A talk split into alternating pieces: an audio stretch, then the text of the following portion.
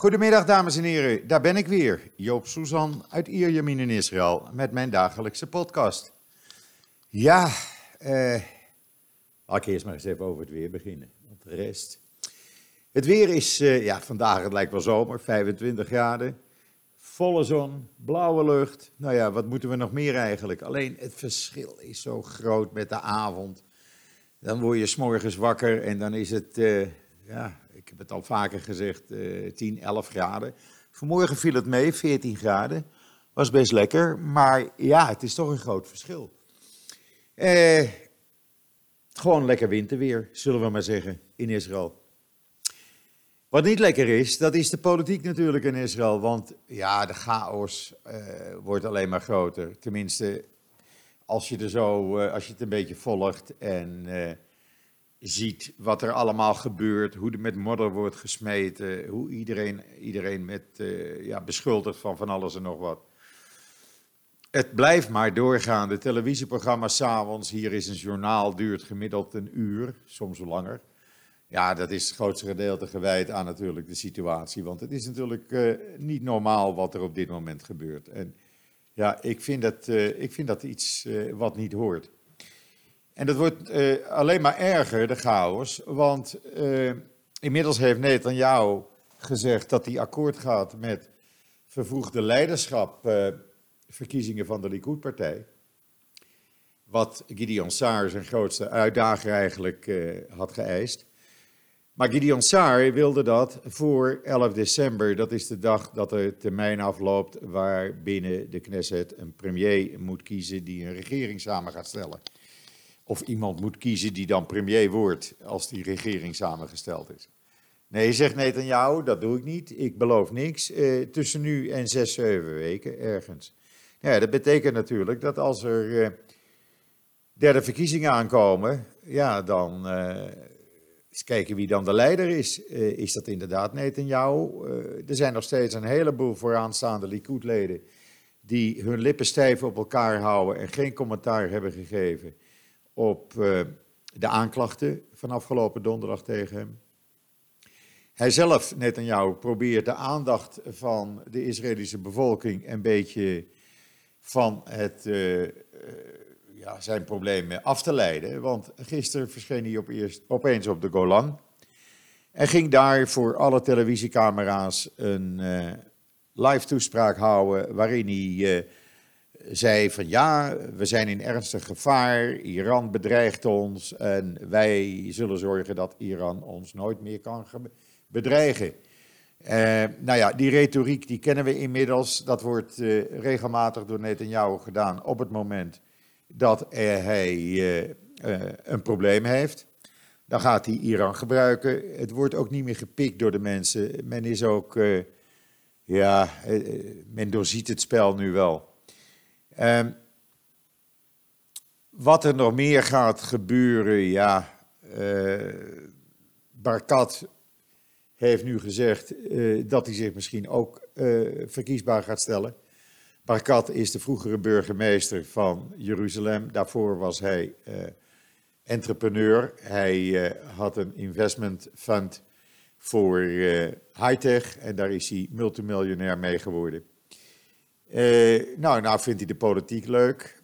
En eh, ja, die eh, liet even zien dat hij dik bevriend is met Netanyahu, dat hij achter Netanyahu staat. En dat hij het niet eens is met de pogingen om Netanyahu af te zetten als leider van de Likud. Gideon Saar die reageerde meteen natuurlijk als door een, een wesp gebeten, kan je wel zeggen. Want die zegt, luister Barkat, terwijl ik vocht voor de Likud in 2006, toen we nog maar 12 Knessetzetels hadden, was jij aan de champagne op het hoofdkant- hoofdkantoor van de Kadima-partij van Zipi Livni, waar je toen lid van was. En daar was je je overwinning eh, van de Kadima-partij aan het vieren. En dan kom je nu opeens eh, bij ons terecht. En dan eh, bij de Likud. En dan eh, doe je je voor als een van de grootste Likud-leden die er ooit is geweest.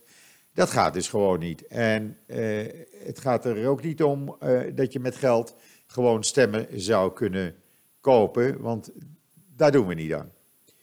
We willen nu een schone clean leider hebben. Ja, uh, er gaan ook geruchten dat uh, de Knesset-voorzitter Julie Edelstein en de minister van Openbare Veiligheid uh, Gilad Erdan zich misschien ook wel zullen gaan melden om zich verkiesbaar te stellen als leider van de Likud. Ja, er zullen er nog wel meer bij komen. Dat is niet bekend en de komende dagen, ja, het zal voorlopig nog wel eventjes zo'n rommel blijven. En het zal alleen maar de chaos vergroten. Want ja, eh, de regering, ach, eigenlijk spreek ik niet van we hebben nog een regering in Israël. Het is een uh, stuurloos schip geworden. Uh, Netanyahu is alleen maar bezig met zijn juridische problemen. Hij heeft voor morgenavond een demonstratie bijeengeroepen. Alle Israëli's die hem willen steunen, kunnen hem gaan steunen in de expohallen in Tel Aviv. Ik ben benieuwd hoeveel Israëli's daarop afkomen. we zullen het zien. maar dit soort dingen, ja, ik weet het niet. Ik, ik, krijg daar een beetje rare smaak van, van in de mond. Waarom moet je demonstreren om te laten zien dat je zo voor iemand bent?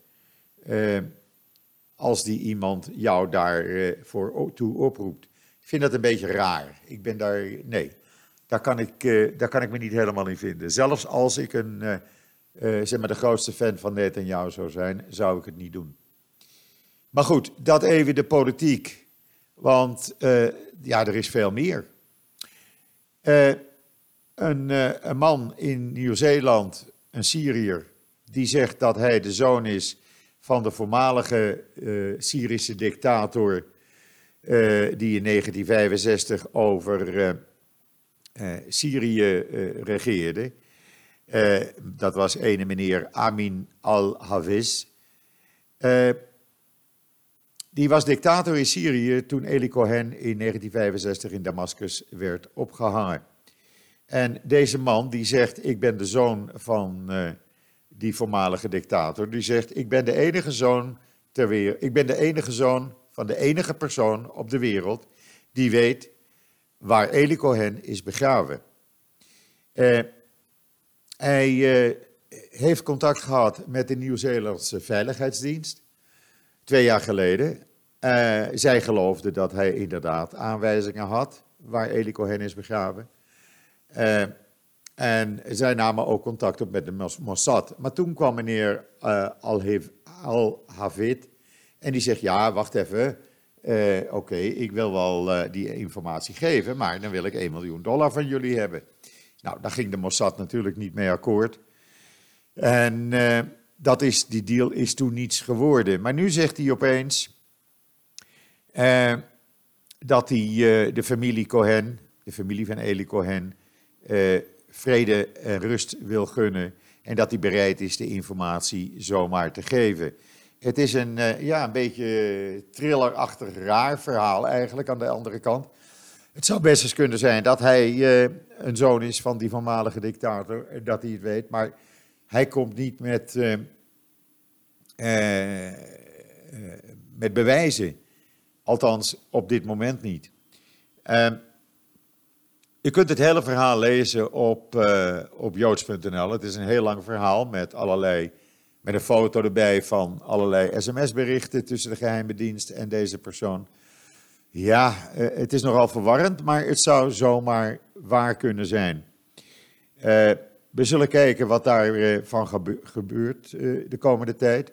De Nieuw-Zeelandse premier en de Israëlische ambassadeur in eh, Nieuw-Zeeland, die willen op dit verhaal geen commentaar geven. En dan, als u in Jeruzalem bent, ga dan eens naar een park wat ligt tussen de Knesset en het Israëlische Hoge Rechtshof. Dat is helemaal niet zo moeilijk te vinden. Daar zie je de meest onwaarschijnlijke vogels. Je kan daar die vogels bekijken. Het heet het Nili en David Jeruzalem Bird Observatorium. Bestaat dit jaar 25 jaar. Uh, er komen grote evenementen aan. Uh, er is een boek uitgekomen van de afgelopen 25 jaar met 300 verschillende soorten vogels. Het is echt een bijzondere plek. Uh, er passeren elk jaar zo'n 10.000 vogels voor de wintertrek en de zomertrek. En eh, ze proberen ook vogels te ringen. Eh, je kan het centrum ook bezoeken. Eh, er is een tentoonstelling. In ieder geval, zie maar even op de video op joods.nl. Het is echt een, een bijzondere plek. Ik ben er zelf diverse keer geweest, want je loopt er langs namelijk. Als je van de ene plek naar de andere plek gaat, tussen het Hoge Rechtshof en de Knesset. En ja, die buurt is gewoon interessant om te zien. niet te vergelijken met het Binnenhof. Maar uh, ja, je ziet, daar, je ziet daar eigenlijk midden in de natuur. En dat in zo'n grote stad. Naast de vogels zijn er ook slangen, schildpadden, stekelvarkens, egels, vleermuizen. Die zijn er ook allemaal te, te bewonderen. Je kan de natuurfilms zien, er zijn nachtwandelingen. Dus bent u in de buurt in Jeruzalem. En ik begrijp dat veel mensen uit Nederland altijd naar Jeruzalem een paar dagen gaan. Besteed daar eens een paar uur en ga daar naartoe. En dan koning Willem-Alexander en koningin Maxima. We hebben een persbericht van de RVD gekregen. Waarin eh, melding werd gemaakt dat de koning en koningin samen met eh, meneer Rutte eh, maandag 27 januari 2020 naar eh, Auschwitz gaan. Om daar de 75ste verjaardag te herdenken, om het zo maar te zeggen, dat het concentratiekamp werd bevrijd. Auschwitz, u weet dat, was een van de grootste vernietigingskampen uh, van de nazi's. En het werd op 27 januari 1945 door het Russische leger bevrijd. Uh, en uh, sinds 2005, door een resolutie van de Verenigde Naties, is dus 27 januari uitgeroepen tot internationale herdenkingsdag voor de Holocaust. Uh, oftewel op zijn Engels International Holocaust Day. Er zullen ook veel oudgevangenen en Holocaust-overledenen bij die herdenking in het Staatsmuseum van Auschwitz-Birkenau aanwezig zijn. Maar ik vind het mooi, en uh, dat zeg ik eerlijk, ik vind het mooi dat de koning en koningin daar naartoe gaan. Een paar dagen daarvoor, op de 23e uh, januari, is koning Willem-Alexander in uh, Jeruzalem. Daar is een uh, grote conferentie georganiseerd door Yad Vashem over het antisemitisme, waar ruim 30 wereldleiders komen. En voor de rest veel ministers en eerste ministers, premiers. Maar ook de koning is daar aanwezig. En ik hoop dat we hem heel even mogen, praten, mogen vragen, een paar vragen mogen stellen. Ik heb inmiddels aan de RVD hebben we een mail gestuurd met het verzoek daartoe of het mogelijk is dat we voor JoodsNL een uh, heel kort gesprek van één of twee minuten met de koning zouden kunnen hebben. Ik heb nog geen antwoord. We wachten dat rustig af en dat meld ik u. Want dat zou natuurlijk leuk zijn voor u als lezer van JoodsNL ook. En dan Moody, Moody's. Niet te vergelijken met Moody's Blues, maar Moody's. Die is meer dan positief over Israëls economie. En die zeggen in een uh, net uitgekomen rapport dat Israël het in de afgelopen tien jaren economisch veel beter heeft gedaan dan vele andere westerse landen. En ook vele geavanceerde industrielanden voorbijgestreefd is. Uh, Israël behoudt dan ook zijn A1-rating. Uh, met positieve vooruitzichten. Dat is al heel belangrijk. Van Moody's is hij, dus dat is geen uh, loopjongen. Die zegt de economische groei van Israël heeft de afgelopen tien jaar de meeste andere geavanceerde industrielanden overtroffen. Aangedreven door een sterk concurrerende high-tech exportsector en een gediversifieerde economische basis die nu ook de energie-export gaat omvatten. Uh, de ontwikkeling van het Leviathan-gasveld zal de netto-crediteurenpositie van Israël waarschijnlijk verder versterken, al dus deze meneer Wolman van Moody's. Ja, dan mag de politiek wel een bende zijn, maar dat is in Israël altijd zo geweest. De bedrijven gaan gewoon hun eigen gang.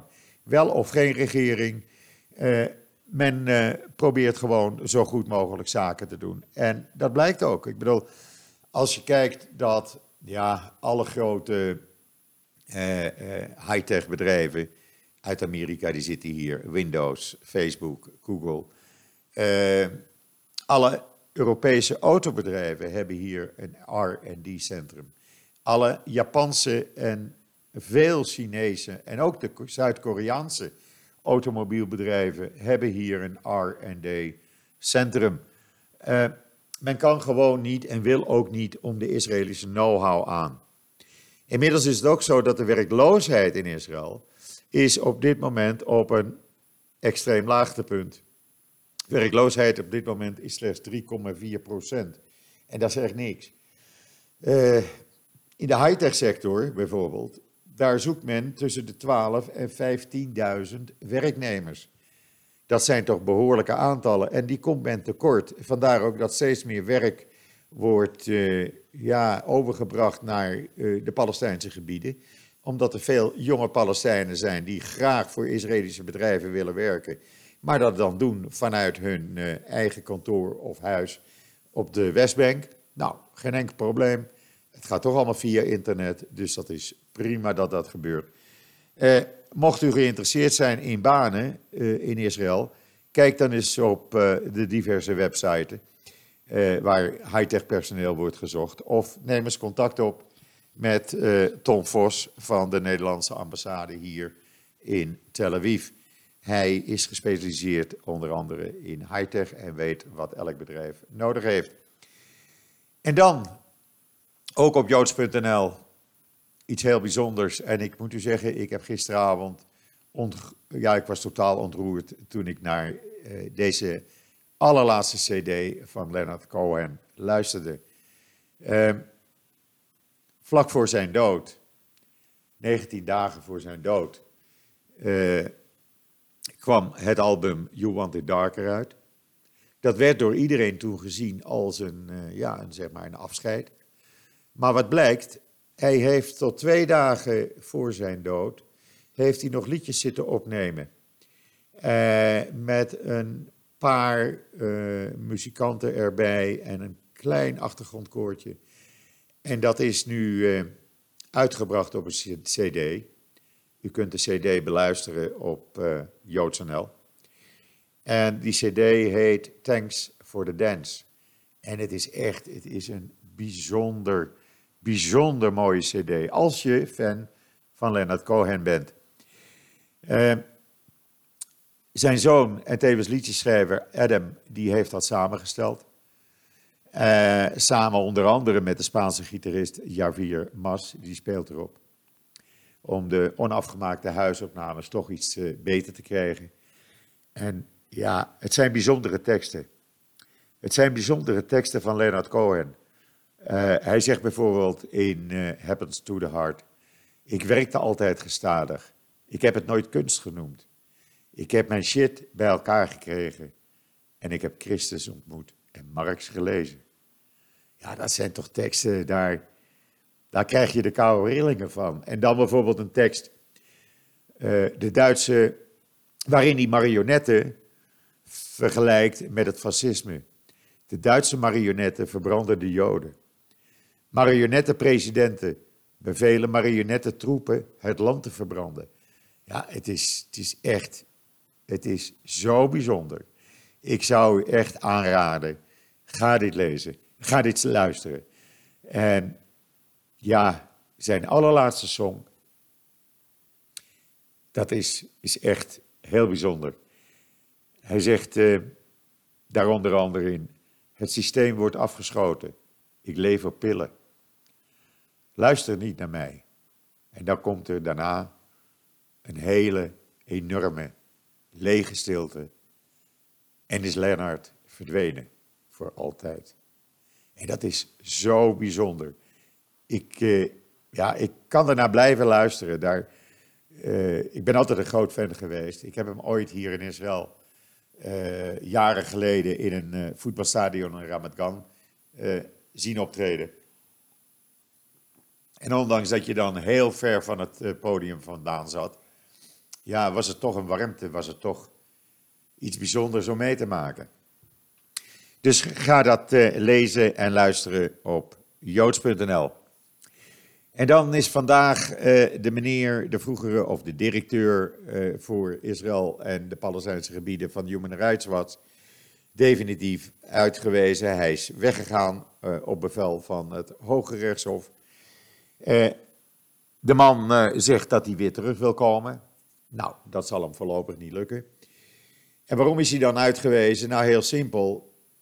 In zijn functie van directeur van Human Rights Watch hield meneer zich bezig met het promoten van de BDS. En dat vond hij toch belangrijker als uh, humanitaire zaken te onderzoeken. Uh, ja, dat kwam aan het licht. En wij hebben geen BDS-fans nodig hier in Israël. Laten die gewoon lekker wegblijven. Als je Israël haat, moet je hier gewoon niet naartoe komen. Dan moet je wegblijven, je moet je telefoon weggooien eh, je medicijnen weggooien, je auto van de hand doen. Want er zitten allemaal Israëlische uitvindingen in en Israëlische producten in. Eh, dan moet je gewoon wegblijven en lekker in je middeleeuwen teruggaan en daar gaan leven. Een beetje zoals het stenen tijdperk. Want ja, BDS'ers die altijd met de luide stem zeggen: wij boycotten Israël, wij haten Israël. Nou, die moeten gewoon wegblijven. Je, je moet niet naar Israël gaan dan. Je hebt hier niets te zoeken. Uh, dan maar op de Dam in Amsterdam op, of op andere plekken. Maar niet hier. Dus deze man is bijzonder kwaad dat hij het landhuis moest. Uh, hij, hij pikt dat niet, hij accepteert het niet. Maar hij is toch zojuist op het vliegtuig gegaan en weggegaan. Dus daar zijn we voorlopig even weer vanaf. Uh, ja, zo werkt dat gewoon. En dan, wat hadden we nog meer in het nieuws? Ja, wat hadden we nog meer in het nieuws? Nou, het ziet er naar uit dat in een van de komende weken in Rusland het hoger beroep wordt behandeld van Nama Issachar. U weet wel, de jonge Israëlisch-Amerikaanse vrouw van 25 jaar die 7,5 jaar cel kreeg tijdens een uh, overstap in, op het Moskouse vliegveld, omdat ze 9,5 gram uh, marihuana bij haar had. Nou, ze is gewoon gegijzeld. Uh, hopelijk laat Poetin er gaan, want dit is, dit is niet, niet normaal. Ze zit al acht maanden daar vast. En vandaag is het de International Day for the Elimination of Violence Against Women. En in Israël, niet alleen dat, uh, heel veel bijzondere gebouwen, zoals de, de, de kabelbrug in Jeruzalem en het stadhuis in Tel Aviv, felrood zijn verlicht s'avonds werd er om tien uur vanmorgen 13 minuten gestaakt. Over heel Israël.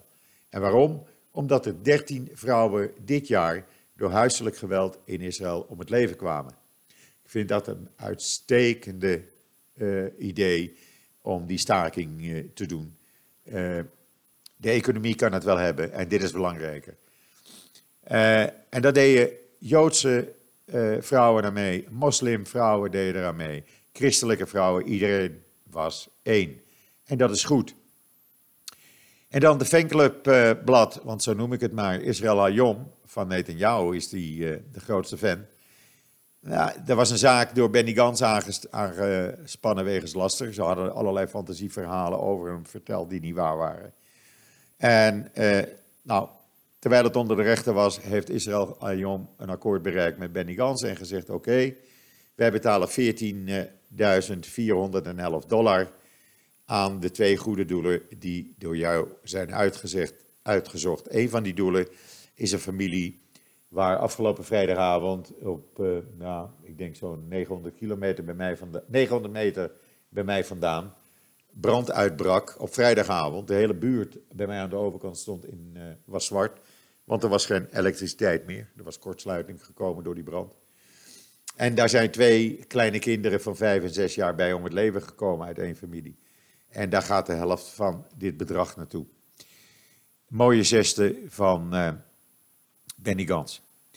En Tony Blair, die heeft gezegd, Engeland is een grote puinhoop. Nou ja, dat had hij niet hoeven te zeggen, want dat weten we toch allemaal. En dan was er nog een onderwijzeres in het uh, noorden van het land, die haalde een foto van Netanyahu van de wand. En die zegt, wat wij de kinderen leren is het tegenovergestelde van wat Netanyahu doet.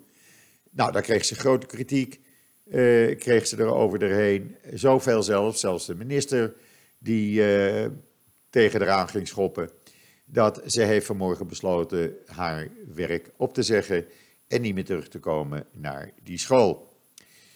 Ja, uh, dat dingen gebeuren, maar ja, ik vind het niet wijs van deze dame om dat zo te doen. En dan in Qatar, daar schijnt het weer feest te zijn, want die uh, ambassadeur uit Qatar met zijn koffertje is weer aangekomen. En er zijn weer duizenden, tienduizenden families die uh, uh, ieder 100 dollar van Qatar krijgen. Nou, dan kunnen ze tenminste weer boodschappen doen, zeg ik dan maar. Goed, dat was het wat mij betreft voorlopig even voor deze podcast. Er komt straks natuurlijk nog veel meer op joods.nl. Uh, nieuws. Uh, wat schrijven de Hebreeuwse kranten? andere dingen die uh, de komende uren nog eventueel mochten gebeuren en in het nieuws verschijnen. Hou het in de gaten, joods.nl. U doet dat masse. Met de royaal 20.000 mensen per dag. Dus daar zijn we erg blij en trots op. Rest mij u nog een hele fijne voortzetting van deze maandag, de 25e november, toe te wensen. En wat mij betreft zeg ik zoals iedere dag: tot ziens, tot morgen.